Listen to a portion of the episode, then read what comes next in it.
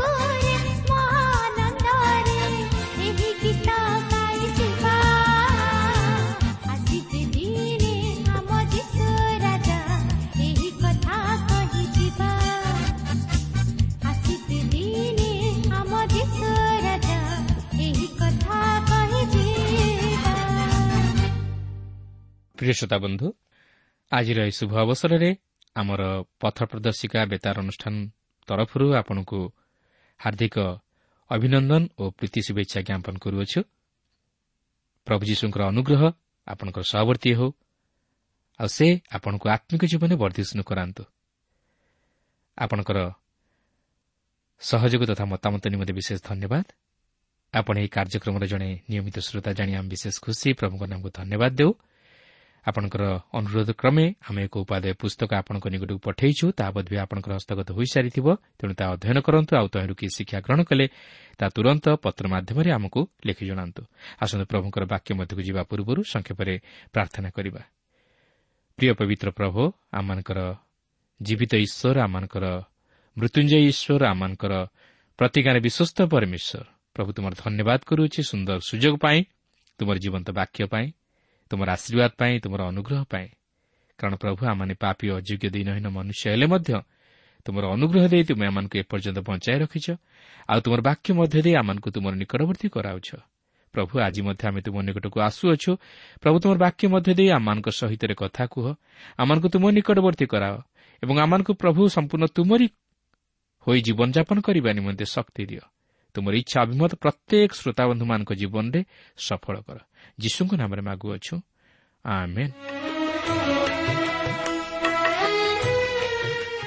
ଆସନ୍ତୁ ବର୍ତ୍ତମାନ ଆମେ ପ୍ରଭୁଙ୍କର ବାକ୍ୟ ମଧ୍ୟକୁ ଯିବା। ଆଜି ଆମେ ରୋମିଓ ପ୍ରଥମ ପର୍ବର ଅଠର ପଦରୁ ଆରମ୍ଭ କରି ବତିଶ ପଦ ପର୍ଯ୍ୟନ୍ତ ଅଧ୍ୟୟନ କରିବା ନିମନ୍ତେ ଯିବା। ମୋର ଅନୁରୋଧ ଆପଣଙ୍କ ପାଖରେ ଯଦି ପବିତ୍ର ବାଇବଲ କିମ୍ବା ନୂତନ ନିୟମ ଅଛି ତାହେଲେ ମୋ ସହିତ ଖୋଲନ୍ତୁ ଅଧ୍ୟୟନ କରନ୍ତୁ। ଓ ଏଥିସହିତ ମନୋଯୋଗର ସହିତ ଶୁଣନ୍ତୁ ତାହେଲେ ଆପଣ ପବିତ୍ର ବାଇବଲ ମଧ୍ୟରୁ ଅନେକ ନିଗୁଢ଼ ବିଷୟମାନେ ଶିକ୍ଷା କରିବାକୁ ପାରିବେ। ତେବେ ଗତ ପାଠରେ ଆମେ ଦେଖିଥିଲୁ ପାଉଲ ଏହି ପତ୍ର ମାଧ୍ୟମରେ ତାଙ୍କର ରୋମ୍କୁ ଯିବାର ବାସ୍ତବ ଉଦ୍ଦେଶ୍ୟକୁ ପ୍ରକାଶ କରିଥିଲେ ଯାହାକି ତାଙ୍କର ବ୍ୟକ୍ତିଗତ ଉଦ୍ଦେଶ୍ୟକୁ ପ୍ରକାଶ କରେ। ଏହିସବୁ ବିଷୟ ସେ ଉପସଂହାର ମଧ୍ୟରେ ଏହି ପତ୍ରରେ ଉଲ୍ଲେଖ କରିଅଛନ୍ତି। କିନ୍ତୁ ବର୍ତ୍ତମାନ ଆମେ ଆଉ ଏକ ନୂତନ ବିଭାଗକୁ ଯିବା ଜହିଁରେ ସେ ମନୁଷ୍ୟର ପାପ ବିଷୟରେ ଉଲ୍ଲେଖ କରିଅଛନ୍ତି। କାରଣ ମନୁଷ୍ୟ ସ୍ୱଭାବତଃ ପାପି।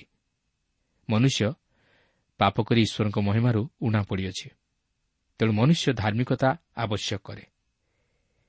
ତେବେ ଏହି ବିଭାଗରେ ପାଉଲ ମନୁଷ୍ୟକୁ ପାପି ବୋଲି ପ୍ରମାଣିତ କରିବାକୁ ଚାହାନ୍ତି ନାହିଁ ମାତ୍ର ସେ କହନ୍ତି ମନୁଷ୍ୟ ହେଉଛି ପାପି।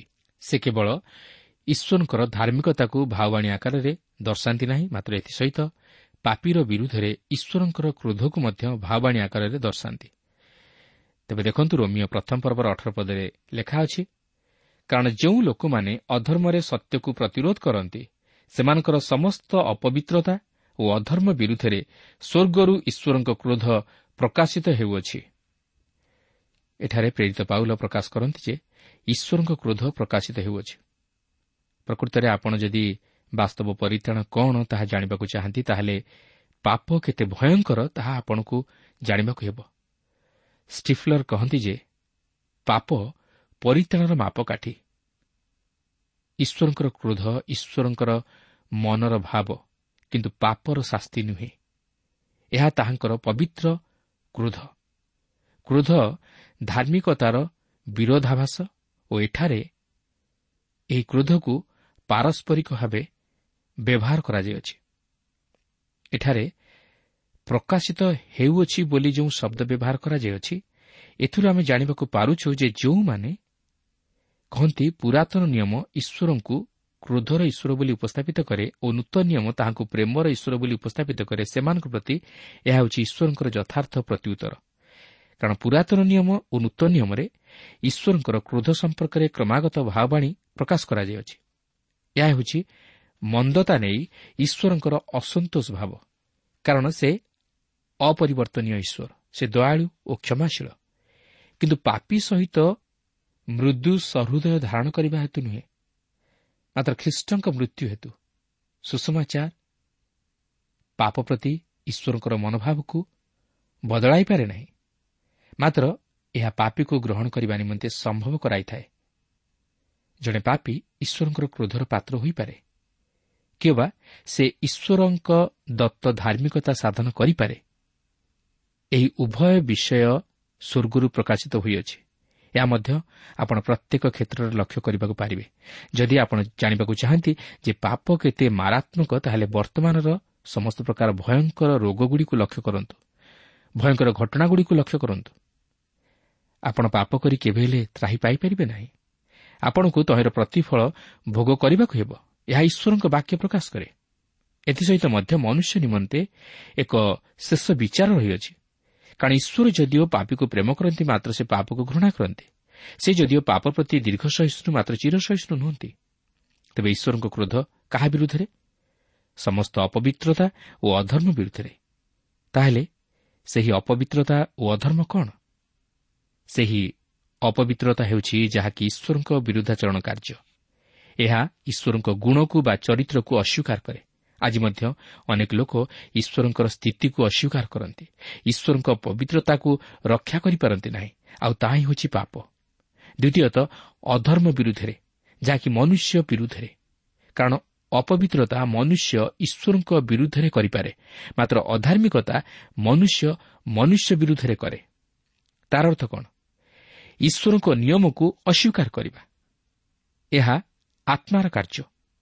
ଯେଉଁ ମନୁଷ୍ୟ ମଦ ପିଇ ମାତାଲ ହୋଇ ଟ୍ରାଫିକ୍ର ନୀତି ନିୟମକୁ ମାନେ ନାହିଁ ସେ କାହାର ଜୀବନ ମଧ୍ୟ ନେଇଯାଏ।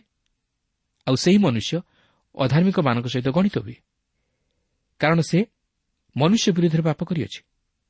ଈଶ୍ୱର ମନୁଷ୍ୟର ଅଧର୍ମର ବିଷୟ ସବୁକୁ ଘୃଣା କରନ୍ତି ଓ ସେ ତହିଁର ବିଚାର କରିବେ। ଏଥିସହିତ ଯେଉଁମାନେ ଅଧର୍ମରେ ସତ୍ୟକୁ ପ୍ରତିରୋଧ କରନ୍ତି ଅର୍ଥାତ୍ ଅଧର୍ମ କରି ସତ୍ୟକୁ ଲୁଚାଇ ରଖନ୍ତି ସେମାନଙ୍କ ପ୍ରତି ଈଶ୍ୱରଙ୍କର କ୍ରୋଧ ବର୍ତ୍ତେ ଏହାପରେ ପ୍ରଥମ ପର୍ବର ଉଣେଇଶ ପଦରେ ଲେଖା ଅଛି ତେଣୁ ଈଶ୍ୱରଙ୍କ ସମ୍ବନ୍ଧରେ ଯାହା ଜ୍ଞାତବ୍ୟ ତାହା ସେମାନଙ୍କ ଅନ୍ତରରେ ପ୍ରକାଶିତ ହୋଇଅଛି। ଈଶ୍ୱର ତ ସେମାନଙ୍କ ନିକଟରେ ତାହା ପ୍ରକାଶ କରିଅଛନ୍ତି। ଏଠାରେ ଆମେ ଦେଖୁ ଯେ ଈଶ୍ୱରଙ୍କଠାରୁ ସିଧାସଳଖ ଭାବବାଣୀ ପ୍ରକାଶିତ ହୋଇଅଛି। ପ୍ରତ୍ୟେକ ମନୁଷ୍ୟ ଅନ୍ତରରେ ସେ ତାହା ପ୍ରକାଶ କରିଅଛନ୍ତି। ପ୍ରତ୍ୟେକ ଆଜି ଈଶ୍ୱରଙ୍କ ବିଷୟରେ ଜାଣନ୍ତି ଓ ଯାହା ଜାଣିବା ଆବଶ୍ୟକ ତାହା ସେ ପ୍ରତ୍ୟେକ ମନୁଷ୍ୟ ଅନ୍ତରରେ ପ୍ରକାଶ କରିଅଛନ୍ତି। ଯେପରି କେହି ଈଶ୍ୱରଙ୍କୁ ଜାଣେ ନାହିଁ ବୋଲି କହି ନପାରେ ପ୍ରତ୍ୟେକ ମନୁଷ୍ୟ ପାପ ପୁଣ୍ୟ ଧର୍ମ ଅଧର୍ମ ପବିତ୍ର ଅପବିତ୍ର ମଧ୍ୟରେ ପାର୍ଥକ୍ୟତା ଜାଣିପାରନ୍ତି କାରଣ ଈଶ୍ୱର ତାହା ସେମାନଙ୍କ ଅନ୍ତରରେ ସିଧାସଳଖ ପ୍ରକାଶ କରିଅଛନ୍ତି। ତେଣୁକରି ଯେଉଁମାନେ ଅପବିତ୍ରତା ଓ ଅଧର୍ମରେ କାଳାତିପାତ କରନ୍ତି ସେମାନଙ୍କ ପ୍ରତି ଈଶ୍ୱରଙ୍କର କ୍ରୋଧ ବର୍ତ୍ତେ ରୋମିଓ ପ୍ରଥମ ପର୍ବର କୋଡ଼ିଏ ପଦରେ ଲେଖା ଅଛି ଜଗତର ସୃଷ୍ଟି କାଳାବଧି ତାହାଙ୍କର ଅଦୃଶ୍ୟ ଗୁଣସମୂହ ଅର୍ଥାତ୍ ତାହାଙ୍କର ଅନାଦି ଅନନ୍ତ ଶକ୍ତି ଓ ଈଶ୍ୱରତ୍ୱ ସୃଷ୍ଟ ବସ୍ତୁଗୁଡ଼ିକ ଦ୍ୱାରା ବୋଧଗମ୍ୟ ହୋଇ ସ୍ପଷ୍ଟ ରୂପେ ପ୍ରତୀୟମାନ ହେଉଅଛି ଯେପରି ସେମାନଙ୍କର ଉତ୍ତର ଦେବାର ବାଟ ନ ଥାଏ ପ୍ରିୟ ବନ୍ଧୁ ଆପଣ ଓ ମୁଁ ଆମେ ଏହି ଯେଉଁ ଜଗତରେ ଅଛୁ ଏହା ଈଶ୍ୱରଙ୍କ ବିଷୟ ନେଇ ଦୁଇଟି ବିଷୟ ପ୍ରକାଶ କରେ ତାହାଙ୍କର ବ୍ୟକ୍ତିତ୍ୱ ଓ ତାହାଙ୍କର ଶକ୍ତି ଯାହାକି ତାହାଙ୍କର ଏହି ସୃଷ୍ଟି ମଧ୍ୟ ଦେଇ ବୋଧଗମ୍ୟ ହୁଏ ଏହି ସୃଷ୍ଟି ତାହାଙ୍କ ଭାବବାଣୀର ଏକ ସ୍ପଷ୍ଟ ଆଲୋକ ପ୍ରଦାନ କରେ କିନ୍ତୁ ଏହି ସୃଷ୍ଟି ମଧ୍ୟ ଦେଇ ତାହା କିପରି ପ୍ରତୀୟମାନ ହୁଏ? ଗୀତ ସଂହିତା ଉଣେଇଶ ପର୍ବର ପ୍ରଥମ ପଦରେ ଲେଖା ଅଛି ଆକାଶମଣ୍ଡଳ ପରମେଶ୍ୱରଙ୍କ ଗୌରବ ବର୍ଣ୍ଣନା କରେ ଶୂନ୍ୟମଣ୍ଡଳ ତାହାଙ୍କ ହସ୍ତକୃତ କର୍ମ ପ୍ରକାଶ କରେ। ବାସ୍ତବରେ ଯେତେବେଳେ ଆମେ ଏହି ସୃଷ୍ଟିକୁ ଲକ୍ଷ୍ୟ କରୁ ସେତେବେଳେ ଆମେ ଈଶ୍ୱରଙ୍କର ସ୍ଥିତି ଓ ତାହାଙ୍କର ଶକ୍ତିର କାର୍ଯ୍ୟକୁ ଉପଲବ୍ଧି କରିପାରୁ। ସେଥିପାଇଁ ପ୍ରେରିତ ଚଉଦ ପର୍ବର ସତର ପଦରେ ଲେଖା ଅଛି ତଥାପି ସେ ଆପଣାକୁ ସାକ୍ଷ୍ୟବିହୀନ କରି ରଖିନାହାନ୍ତି କାରଣ ସେ ମଙ୍ଗଳ କରିଅଛନ୍ତି। ଆଉ ଆକାଶରୁ ବୃଷ୍ଟି ଓ ଫଳଦାୟକ ଋତୁଗୁଡ଼ିକ ଦେଇ ଭକ୍ଷ ଓ ଆନନ୍ଦରେ ଆପଣମାନଙ୍କ ହୃଦୟ ପରିତୃପ୍ତ କରିଅଛନ୍ତି। ତେଣୁ ଏଥିରୁ ଆମେ ଏହି ସୃଷ୍ଟି ମଧ୍ୟରେ ଈଶ୍ୱରଙ୍କର ସ୍ଥିତି ଓ ଶକ୍ତିର କାର୍ଯ୍ୟକୁ ଉପଲବ୍ଧି କରିପାରୁ। କିନ୍ତୁ ଆମେ ଈଶ୍ୱରଙ୍କର ବଂଶଧର ହୋଇଥିବାରୁ ଆମେ ଈଶ୍ୱରଙ୍କୁ କୌଣସି ମୃତ ବସ୍ତୁ ସହିତ ବା ପଦାର୍ଥ ସହିତ ତୁଳନା କରିବା ଉଚିତ ନୁହେଁ। କାରଣ ଅନେକ ସମୟରେ ଏହା ମଧ୍ୟ ଘଟେ ଯେ ଆମେ ଏହି ସୃଷ୍ଟିର ସମସ୍ତ ବିଷୟବସ୍ତୁ ସହିତ ଈଶ୍ୱରଙ୍କୁ ତୁଳନା କରିଦେଉ। କିନ୍ତୁ ତାହା ଠିକ୍ ନୁହେଁ। ଯେହେତୁ ଈଶ୍ୱର ସବୁର ସୃଷ୍ଟିକର୍ତ୍ତା ହୋଇଥିବାରୁ ସେ ସବୁର ଉପରେ ତାଛଡ଼ା ସୃଷ୍ଟିକର୍ତ୍ତାଙ୍କଠାରୁ ସୃଷ୍ଟ ବସ୍ତୁ କେବେ ହେଲେ ମହାନ ହୋଇନପାରେ ସେଥିପାଇଁ ପ୍ରେରିତ ପାଉଲ ପ୍ରେରିତ ସତର ପର୍ବର ଅଣତିରିଶ ପଦରେ ଏହିପରି ପ୍ରକାଶ କରନ୍ତି ତେବେ ଆମମାନେ ଈଶ୍ୱରଙ୍କର ବଂଶ ହେବାରୁ ଈଶ୍ୱରଙ୍କ ସ୍ୱରୂପକୁ ମନୁଷ୍ୟର ଶିଳ୍ପ ଓ କଳ୍ପନା ଅନୁସାରେ ଖୋଦିତ ସ୍ୱର୍ଣ୍ଣ କି ରୌପ୍ୟ କି ପ୍ରସ୍ତର ତୁଲ୍ୟ ଜ୍ଞାନ କରିବା ଆମମାନଙ୍କର ଉଚିତ ନୁହେଁ। ପାଉଲ ଏପରି ପ୍ରକାଶ କରିବାର କାରଣ ହେଉଛି ଯେ ସେ କହିବାକୁ ଚାହାନ୍ତି ଈଶ୍ୱରଙ୍କର ସ୍ଥିତି ଅଛି କିନ୍ତୁ ଆମେମାନେ ତାହାଙ୍କୁ କୌଣସି ବସ୍ତୁ ସହିତ ବା ତାହାଙ୍କର ସୃଷ୍ଟ ବସ୍ତୁ ସହିତ ତାହାଙ୍କୁ ତୁଳନା କରିବା ଉଚିତ ନୁହେଁ। ଯେହେତୁ ସେ ଆମମାନଙ୍କୁ ଜୀବନ୍ତ କରି ସୃଷ୍ଟି କଲେ ଓ ଆମ୍ଭେମାନେ ତାହାଙ୍କର ବଂଶ। କିନ୍ତୁ ଯେଉଁମାନେ ଈଶ୍ୱରଙ୍କର ସ୍ଥିତିକୁ ଅସ୍ୱୀକାର କରନ୍ତି ସେମାନେ ମୂର୍ଖ ସହିତ ତୁଳନା କରାଯାଆନ୍ତି। ତେବେ ଈଶ୍ୱର କାହିଁକି ତାହାଙ୍କର ସୃଷ୍ଟି ମଧ୍ୟ ଦେଇ ଆପଣଙ୍କୁ ପ୍ରକାଶ କରିଅଛନ୍ତି? ଯେପରି ସେମାନଙ୍କର ଉତ୍ତର ଦେବାର ବାଟ ନଥାଏ। ବାସ୍ତବରେ ଏହି ସୃଷ୍ଟି ଈଶ୍ୱରଙ୍କୁ ଏତେ ସ୍ପଷ୍ଟ ଭାବେ ଉପସ୍ଥାପିତ କରେ ଯେ ମନୁଷ୍ୟର ଯେପରି ଉତ୍ତର ଦେବାର ବାଟ ନଥାଏ ମନୁଷ୍ୟ ଯେପରି ଈଶ୍ୱରଙ୍କୁ ଜାଣିନାହିଁ ବୋଲି କୌଣସି ବାହାନା ଦେଖାଇ ନପାରେ ଏହି ଅଂଶଟି ମନୁଷ୍ୟ ପାପର ଏକ ଐତିହାସିକ ଭିତ୍ତିଭୂମି ପ୍ରଦାନ କରେ। ମନୁଷ୍ୟ ନିଜର ଅଜ୍ଞାନତା ହେତୁ ପାପ କରେ ନାହିଁ କିନ୍ତୁ ସେ ଈଶ୍ୱରଙ୍କ ବିଷୟରେ ସବୁକିଛି ଜାଣି ମଧ୍ୟ ବିଦ୍ରୋହାଚରଣ କରି ସ୍ୱେଚ୍ଛାକୃତ ଭାବେ ପାପ କରେ। ତାର ବିବେକ ତାହାକୁ ବାଧା ଦେଲେ ମଧ୍ୟ ସେ ତାହାକୁ ଭୃକ୍ଷେପ ନ କରି ଈଶ୍ୱରଙ୍କ ଇଚ୍ଛା ବିରୁଦ୍ଧରେ ଯାଇ ପାପ କରେ। ଏହା ହେଉଛି ମନୁଷ୍ୟର ଦୁର୍ବଳତା। ଈଶ୍ୱର କେବଳ ସିଧାସଳଖ ନୁହେଁ ମାତ୍ର ସେ ତାହାଙ୍କର ସୃଷ୍ଟି ମଧ୍ୟ ଦେଇ ବିଭିନ୍ନ ଘଟଣା ମାଧ୍ୟମରେ ତାଙ୍କର ବ୍ୟକ୍ତିତ୍ୱ ତଥା ଶକ୍ତିର ପରିଚୟ ଦେଇଅଛନ୍ତି ଯେପରି ମନୁଷ୍ୟ ଈଶ୍ୱରଙ୍କୁ ଗୌରବ ଦିଏ ଓ ତାହାଙ୍କର ଅଭିମତକୁ ବୁଝି ତଦନୁଯାୟୀ ଜୀବନଯାପନ କରେ। କିନ୍ତୁ ମନୁଷ୍ୟ ତହିଁର ପ୍ରତିବଦଳରେ କ'ଣ କଲା? ଦେଖନ୍ତୁ ରୋମିଓ ପ୍ରଥମ ପର୍ବର ଏକୋଇଶରୁ ତେଇଶ ପଦରେ ଲେଖା ଅଛି କାରଣ ସେମାନେ ଈଶ୍ୱରଙ୍କୁ ଜାଣି ତାହାଙ୍କୁ ଈଶ୍ୱର ବୋଲି ଗୌରବ ଦେଲେ ନାହିଁ କି ଧନ୍ୟବାଦ ଦେଲେ ନାହିଁ। କିନ୍ତୁ ଆପଣା ଆପଣା ଅସାର ତର୍କ ବିତର୍କରେ ଜଡ଼ିତ ହେଲେ ଓ ସେମାନଙ୍କର ଅବୋଧମନ ଅନ୍ଧକାରମୟ ହେଲା। ନିଜ ନିଜକୁ ଜ୍ଞାନୀ ବୋଲି ମନେକରି ସେମାନେ ମୂର୍ଖ ହେଲେ। ପୁଣି ଅକ୍ଷୟ ଈଶ୍ୱରଙ୍କ ଗୌରବକୁ କ୍ଷୟଣୀୟ ମନୁଷ୍ୟ ପକ୍ଷୀ ଚତୁଷ୍ପଦ ପ୍ରାଣୀ ସରୀସୃପାଦିଙ୍କ ଆକୃତିଯୁକ୍ତ ପ୍ରତିମାରେ ପରିଣତ କଲେ। ଯଦି ଆପଣ ଏହି ଅଂଶଟିକୁ ଭଲ ଭାବେ ଚିନ୍ତା କରିବେ ତାହେଲେ ଆପଣ ଜାଣିପାରିବେ ଯେ ଏହି ସାତୋଟି ପଦକ୍ଷେପ ନେଇ ମନୁଷ୍ୟ ସେହି ଏଦନ ଉଦ୍ୟାନଠାରୁ ପତନର ଆଡ଼କୁ ଗତି କରିଥିଲା। ଏଥିରୁ ଆମେ ମନୁଷ୍ୟର ଦୁର୍ବଳତା ଲକ୍ଷ୍ୟ କରିବାକୁ ପାରୁ। ମନୁଷ୍ୟ ସବୁକିଛି ଜାଣି ମଧ୍ୟ ଜାଣିପାରେ ନା। ସେ ସତ୍ୟ ଈଶ୍ୱରଙ୍କ ବିଷୟରେ ଜାଣିଲେ ମଧ୍ୟ ତାଙ୍କଠାରୁ ଦୂରବର୍ତ୍ତୀ ଜୀବନଯାପନ କରେ। ସେ ଯେଉଁ ସମସ୍ତ ଉତ୍ତମ ବିଷୟ ସାଧନ କରିବାକୁ ଚାହେଁ ତାହା ସାଧନ କରିପାରେ ନା। ସେ ନିଜ ଜ୍ଞାନରେ ଓ କାଳ୍ପନିକ ଚିନ୍ତାଧାରାରେ ପରିଚାଳିତ ହୋଇ ଈଶ୍ୱରଙ୍କୁ ପାଇବାକୁ ଚାହେଁ ମାତ୍ର ଈଶ୍ୱରଙ୍କର ଇଚ୍ଛା ଅନୁଯାୟୀ ନୁହେଁ। ଏଠାରେ ଲେଖା ଅଛି ସେମାନେ ଈଶ୍ୱରଙ୍କୁ ଜାଣି ତାହାଙ୍କୁ ଈଶ୍ୱର ବୋଲି ଗୌରବ ଦେଲେ ନାହିଁ। ଏହାର ଅର୍ଥ କ'ଣ? ସେମାନେ ଈଶ୍ୱରଙ୍କୁ ଠିକ୍ ସ୍ଥାନରେ ରଖିଲେ ନାହିଁ କିମ୍ବା ଈଶ୍ୱରଙ୍କୁ ଈଶ୍ୱରଙ୍କ ସ୍ଥାନରେ ରଖି ତାହାଙ୍କୁ ସମ୍ମାନ ଦେଲେ ନାହିଁ। ସେମାନେ ନିଜକୁ ନିଜେ ସବୁକିଛି ବୋଲି ଭାବିନେଲେ। ଆଜି ମଧ୍ୟ ମନୁଷ୍ୟ ନିଜକୁ ଈଶ୍ୱର ବୋଲି ଭାବେ ଓ ଆଉ କେତେକ ଅଛନ୍ତି ଯେଉଁମାନେ ଈଶ୍ୱର ମୃତ ବୋଲି ଘୋଷଣା କରନ୍ତି ବା ଈଶ୍ୱର ନାହାନ୍ତି ବୋଲି ଘୋଷଣା କରନ୍ତି। କିନ୍ତୁ ଆରମ୍ଭରୁ ମନୁଷ୍ୟ ଈଶ୍ୱରଙ୍କୁ ମୃତ ବୋଲି ଉପସ୍ଥାପିତ କରିନଥିଲା କିନ୍ତୁ ଈଶ୍ୱରଙ୍କଠାରୁ ବିମୁଖ ହୋଇ ମନୁଷ୍ୟକୁ ଈଶ୍ୱର ବୋଲି ମାନ୍ୟ କଲା। ମନୁଷ୍ୟର କାଳ୍ପନିକ ତଥା ଭ୍ରାନ୍ତ ଶିକ୍ଷାରେ ପରିଚାଳିତ ହୋଇ ଈଶ୍ୱରଙ୍କର ଅଗୌରବ କଲା। ଦ୍ୱିତୀୟରେ ସେମାନେ ଈଶ୍ୱରଙ୍କୁ ଧନ୍ୟବାଦ ଦେଲେ ନାହିଁ। କାରଣ ଅକୃତଜ୍ଞତା ହେଉଛି ପାପ। ଆପଣଙ୍କର ମନେଥିବ ପ୍ରଭୁ ଯୀଶୁଖ୍ରୀଷ୍ଟ ଦଶ ଜଣ କୁଷ୍ଠୀଙ୍କୁ ସୁସ୍ଥ କରିଥିଲେ। ମାତ୍ର ସେହି ଦଶ ଜଣ କୁଷ୍ଠୀଙ୍କ ମଧ୍ୟରୁ ଜଣେ କେବଳ ତାହାଙ୍କ ନିକଟକୁ ଆସି ତାହାଙ୍କୁ ଧନ୍ୟବାଦ ଜ୍ଞାପନ କରିଥିଲା। ସେମାନେ ଆପଣା ଆପଣା ଅସାର ତର୍କ ବିତର୍କରେ ଜଡ଼ିତ ହେଲେ।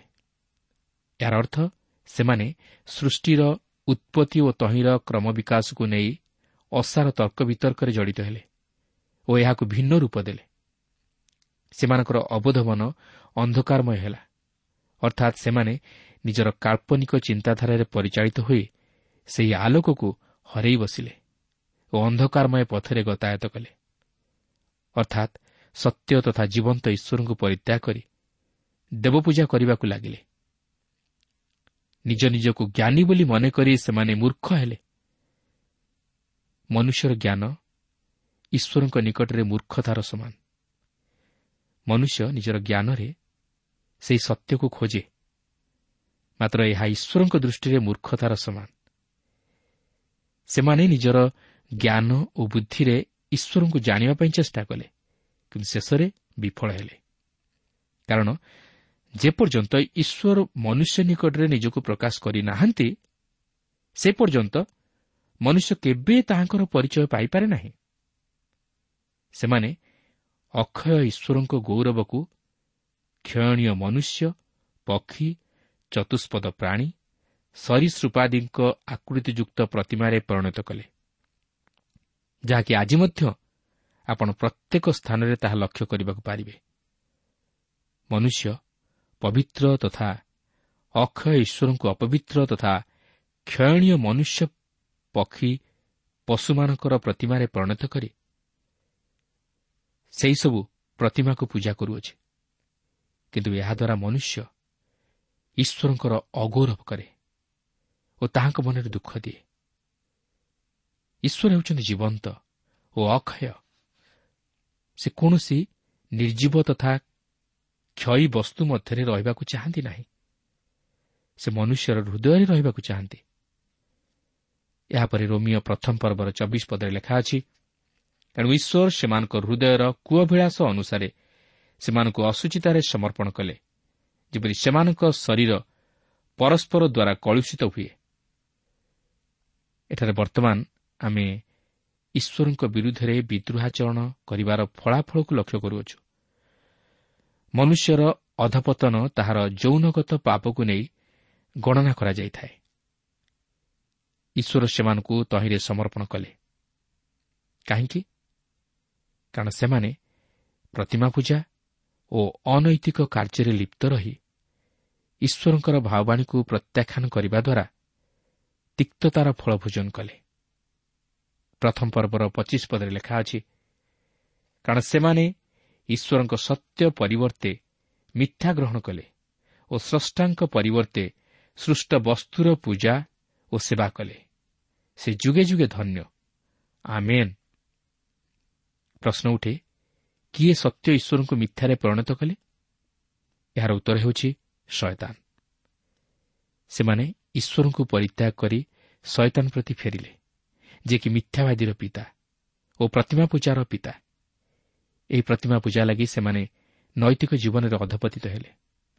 ଏହାପରେ ଛବିଶ ଓ ସତେଇଶ ପଦରେ ଲେଖା ଅଛି ଏହି କାରଣରୁ ଈଶ୍ୱର ସେମାନଙ୍କୁ ଜଘନ୍ୟ ପାପ ପ୍ରବୃତ୍ତିରେ ସମର୍ପଣ କଲେ କାରଣ ସେମାନଙ୍କ ସ୍ତ୍ରୀମାନେ ସ୍ୱାଭାବିକ ବ୍ୟବହାର ପରିବର୍ତ୍ତେ ଅସ୍ୱାଭାବିକ ବ୍ୟବହାର କଲେ। ପୁଣି ସେହିପରି ପୁରୁଷମାନେ ମଧ୍ୟ ସ୍ୱାଭାବିକ ସ୍ତ୍ରୀ ସଙ୍ଗ ପରିତ୍ୟାଗ କରି ପରସ୍ପର ଆପଣା କାମାନଳରେ ଦଗ୍ଧ ହେଲେ। ପୁରୁଷ ସହିତ ପୁରୁଷ କୁଶ୍ଚିତ କର୍ମ କଲେ। ପୁଣି ଆପଣା ଆପଣାଠାରେ ସ୍ୱ ସ୍ୱ ଭ୍ରଷ୍ଟତାର ସମୁଚିତ ପ୍ରତିଫଳ ପାଇଲେ। ଏହିସବୁ ଥିଲା ସେମାନଙ୍କର ଈଶ୍ୱରଙ୍କୁ ଅଗୌରବ ନିନ୍ଦା ଓ ଅପମାନିତ କରିବାର ପ୍ରତିଫଳ। ଆପଣ ଯାହା କୁହନ୍ତୁ ନା କାହିଁକି ଗ୍ରୀକ୍ ଲୋକମାନଙ୍କର ଜୀବନରେ ଏହି ସମସ୍ତ ବିପଦଗମନ ଦେଖାଗଲା ଓ ଯାହାଫଳରେ ଗ୍ରୀସ୍ ସଭ୍ୟତା ଓ ସଂସ୍କୃତି ଓ ତହିଁର ପ୍ରାଧାନ୍ୟତା ଧୂଳିସାତ ହେଲା। ଆଜି ଯଦି ଆପଣ ସେହି ଗ୍ରୀସ୍କୁ ଲକ୍ଷ୍ୟ କରିବେ ତାହେଲେ ତାହାର ଗୌରବ ଅପସରି ଯାଇଅଛି। କାହିଁକି? ଏହି ସମସ୍ତ ପାପ ଲାଗି। ଏହାପରେ ଅଠେଇଶ ପଦରେ ଲେଖା ଅଛି ଆଉ ଯେପରି ସେମାନେ ଈଶ୍ୱର ବିଷୟକ ଜ୍ଞାନ ଗ୍ରହଣ କରିବାକୁ ଅସ୍ୱୀକୃତ ହେଲେ ସେହିପରି ଈଶ୍ୱର ଅନୁଚିତ କର୍ମ କରିବା ନିମନ୍ତେ ସେମାନଙ୍କୁ ଭ୍ରଷ୍ଟ ମତିରେ ସମର୍ପଣ କଲେ। ଯଦି କେହି ନିଜକୁ ଈଶ୍ୱରଙ୍କ ସନ୍ତାନ ବୋଲି କହି ଏହି ପ୍ରକାର ବିପଦଗାମୀ ହୁଏ ଓ ଏହି ଜଗତର ସମସ୍ତ ପ୍ରକାର କଳୁଷିତ ବିଷୟରେ ଆପଣାକୁ ଲିପ୍ତ କରେ ତାହେଲେ ସେ କେବଳ ନିଜକୁ ପ୍ରତାରଣା କରେ। କିନ୍ତୁ ସେ ଯଦି ନିଜର ଦୋଷ ଦୁର୍ବଳତାକୁ ସମୀକ୍ଷା କରି ଖ୍ରୀଷ୍ଟଙ୍କର ନିକଟବର୍ତ୍ତୀ ହୁଏ ତାହେଲେ ସେ ଉଦ୍ଧାର ପାଇବ ଓ ଏହି ଜଗତରେ ଏକ ବିଜୟୀ ଜୀବନ ଯାପନ କରିବା ନିମନ୍ତେ ସମର୍ଥ ହୋଇପାରିବ। ଏହାପରେ ଆମେ ଏହି ରୋମିଓ ପ୍ରଥମ ପର୍ବର ଅଣତିରିଶରୁ ଏକତିରିଶ ପଦରେ କେତେକ ଜଘନ୍ୟ ପାପ ବିଷୟ ନେଇ ଲକ୍ଷ୍ୟ କରିବାକୁ ପାରିବା ଯାହାକି ଈଶ୍ୱରଙ୍କ ବିଦ୍ୱାଚରଣ କରିବାର ଫଳାଫଳ। ଦେଖନ୍ତୁ ଅଣତିରିଶରୁ ଏକତିରିଶ ପଦରେ ଲେଖା ଅଛି ସେମାନେ ସର୍ବପ୍ରକାର ଅଧର୍ମ ଦୁଷ୍ଟତା ଲୋଭ ହିଂସା ଈର୍ଷା ବଧ ବିବାଦ ଛଳ ଓ ମନ୍ଦତାରେ ପରିପୂର୍ଣ୍ଣ। ସେମାନେ କର୍ଣ୍ଣେଜପ ନିନ୍ଦକ ଈଶ୍ୱରଙ୍କ ଘୃଣ୍ୟ ଅତ୍ୟାଚାରୀ ଦାମ୍ଭିକ ଅହଙ୍କାରୀ ଦୁଷ୍କର୍ମର ଉତ୍ପାଦକ ପିତାମାତାଙ୍କ ଅନାଜ୍ଞାବହ ନିର୍ବୋଧ ନିୟମ ଭଗ୍ନକାରୀ ସ୍ୱାଭାବିକ ସ୍ନେହରହିତ ଓ ନିର୍ଦ୍ଦୟ ଅଟନ୍ତି। ତେବେ ଏହି ସମସ୍ତ ପାପ କ'ଣ ବର୍ତ୍ତମାନ ପରିଲକ୍ଷିତ ହୁଏ ନାହିଁ କି? ଆପଣ ଯଦି ଖବରକାଗଜ ଦେଖିବେ ତାହେଲେ ପ୍ରତ୍ୟେକ ଦିନର ଖବରରେ ଆପଣ ଏହି ସମସ୍ତ ପାପକୁ କେନ୍ଦ୍ର କରି ଅସମ୍ଭବ ପ୍ରକାରର ଘଟଣାମାନ ଘଟୁଥିବାର ଲକ୍ଷ୍ୟ କରିବାକୁ ପାରିବେ। ତେବେ କାହିଁକି ଏପରି ଘଟୁଛି ବୋଲି କେବେ ଚିନ୍ତା କରିଅଛନ୍ତି କି?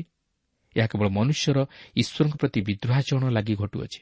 ଯେପର୍ଯ୍ୟନ୍ତ ମନୁଷ୍ୟ ସତ୍ୟ ତଥା ଜୀବନ୍ତ ଈଶ୍ୱରଙ୍କୁ ଗୌରବ ଦେଇନାହିଁ ଓ ତାହାଙ୍କର ବଶୀଭୂତ ହୋଇ ରହିନାହିଁ କେବଳ ତାହାଙ୍କ ଇଚ୍ଛା ମତେ କାର୍ଯ୍ୟ କରିନାହିଁ ସେ ପର୍ଯ୍ୟନ୍ତ ଏହି ସମସ୍ତ ପାପ ଲାଗି ରହିବ ଓ ମନୁଷ୍ୟ ଯଦି ପ୍ରଭୁ ଯୀଶୁଖ୍ରୀଷ୍ଟଙ୍କ ପ୍ରତି ନ ଫେରେ ତାହେଲେ ସେ ଏହିପରି ଭାବେ ପାପରେ ବିନଷ୍ଟ ହୋଇ ଅନନ୍ତ ନରକରେ ନିକ୍ଷିପ୍ତ ହେବ। କାରଣ ଈଶ୍ୱର ଯଦିଓ ଦୀର୍ଘ ସହିଷ୍ଣୁ ମାତ୍ର ସେ ଚିରସହିଷ୍ଣୁ ନୁହନ୍ତି ସେ ଯେପରି ଅତୀତରେ ମହାମହା ଗୋଷ୍ଠୀର ବିଚାର କଲେ ସେହିପରି ସେ ମଧ୍ୟ ଆମମାନଙ୍କର ବା ଏହି ଜଗତର ବିଚାର କରିବେ। ଏହାପରେ ପ୍ରଥମ ପର୍ବର ବତିଶ ପଦରେ ଲେଖା ଅଛି ଯେଉଁମାନେ ଏହିପରି ଆଚରଣ କରନ୍ତି ସେମାନେ ଯେ ମୃତ୍ୟୁର ଯୋଗ୍ୟ ଈଶ୍ୱରଙ୍କର ଏହି ବିଧାନ ସେମାନେ ଜାଣିଲେ ସୁଦ୍ଧା। କେବଳ ଯେ ଏହି ପ୍ରକାର ଆଚରଣ କରନ୍ତି ତାହା ନୁହେଁ କିନ୍ତୁ ଏହିପରି ଆଚରଣ କରୁଥିବା ଲୋକମାନଙ୍କ ପକ୍ଷ ଆନନ୍ଦରେ ସମର୍ଥନ କରନ୍ତି। ଏହା ହେଉଛି ମନୁଷ୍ୟର ଦୁର୍ବଳତା। ମନୁଷ୍ୟ ଈଶ୍ୱରଙ୍କଠାରୁ ଭାବବାଣୀ ପ୍ରାପ୍ତ ହୋଇଅଛି। ମାତ୍ର ସେ ଏହି ସମସ୍ତ ପାପ କରି ଈଶ୍ୱରଙ୍କ ବିଚାରକୁ ଅବଜ୍ଞା କରିବା ଦ୍ୱାରା ସେହି ସମସ୍ତ ଭାବବାଣୀକୁ ପ୍ରତ୍ୟାଖ୍ୟାନ କରେ।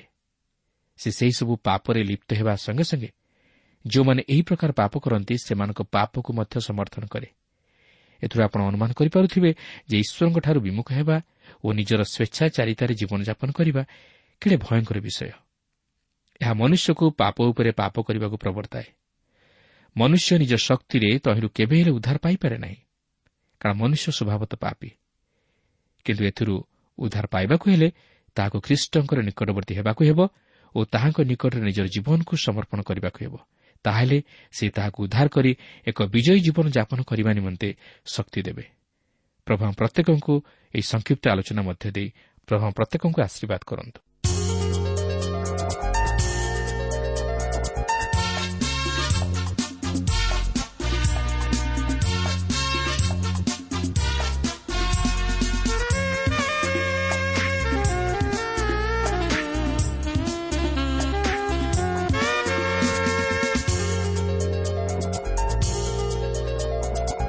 ଆସିବେ ଦିନେ ରାଜାଙ୍କ ରାଜା ପ୍ରସ୍ତୁତ ଆମେ ରହିବା ଏ ସାରା ଜଗତ ଯୀଶୁଙ୍କୁ ଦେଖିବ ପ୍ରସ୍ତୁତ ଆମେ ରହିବା ତୁମେ ପ୍ରସ୍ତୁତ ହୁଅ ପ୍ରସ୍ତୁତ କର ଆଗମନ ନିକଟ ଆସିବେ ଦିନେ ରାଜାଙ୍କ ରାଜା ପ୍ରସ୍ତୁତ ଆମେ ରହିବା।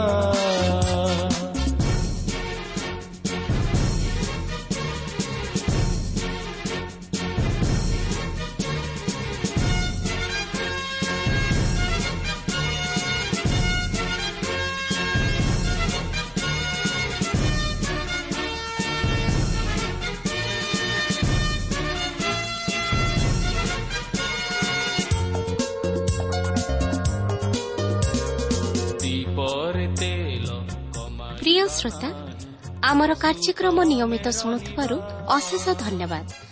ଆପଣ ଏହି କାର୍ଯ୍ୟକ୍ରମ ଶୁଣିବା ଦ୍ୱାରା ଆତ୍ମିକ ଜୀବନରେ ଉପକୃତ ହୋଇପାରିଥିବେ ବୋଲି ଆମର ବିଶ୍ୱାସ।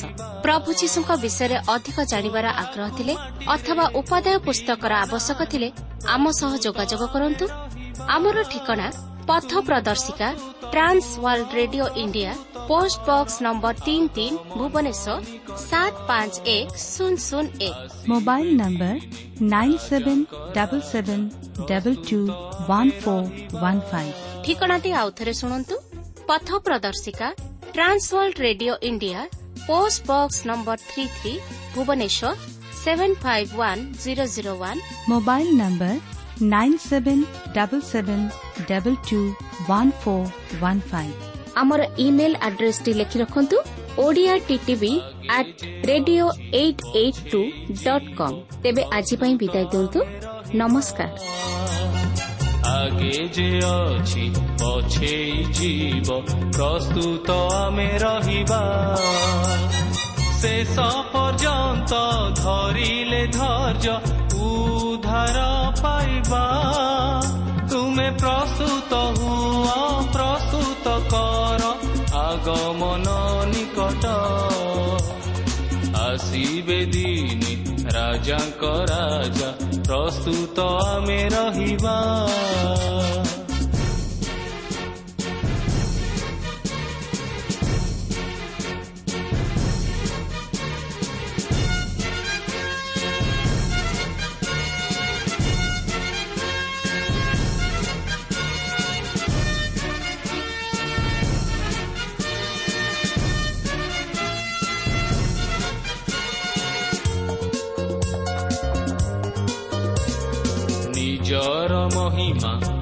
କେବେ ନ ଖୋଜି ପ୍ରସ୍ତୁତ ଆମେ ରହିବା ନିଜର ମହିମା କେବେ ନ ଖୋଜି ପ୍ରସ୍ତୁତ ଆମେ ରହିବା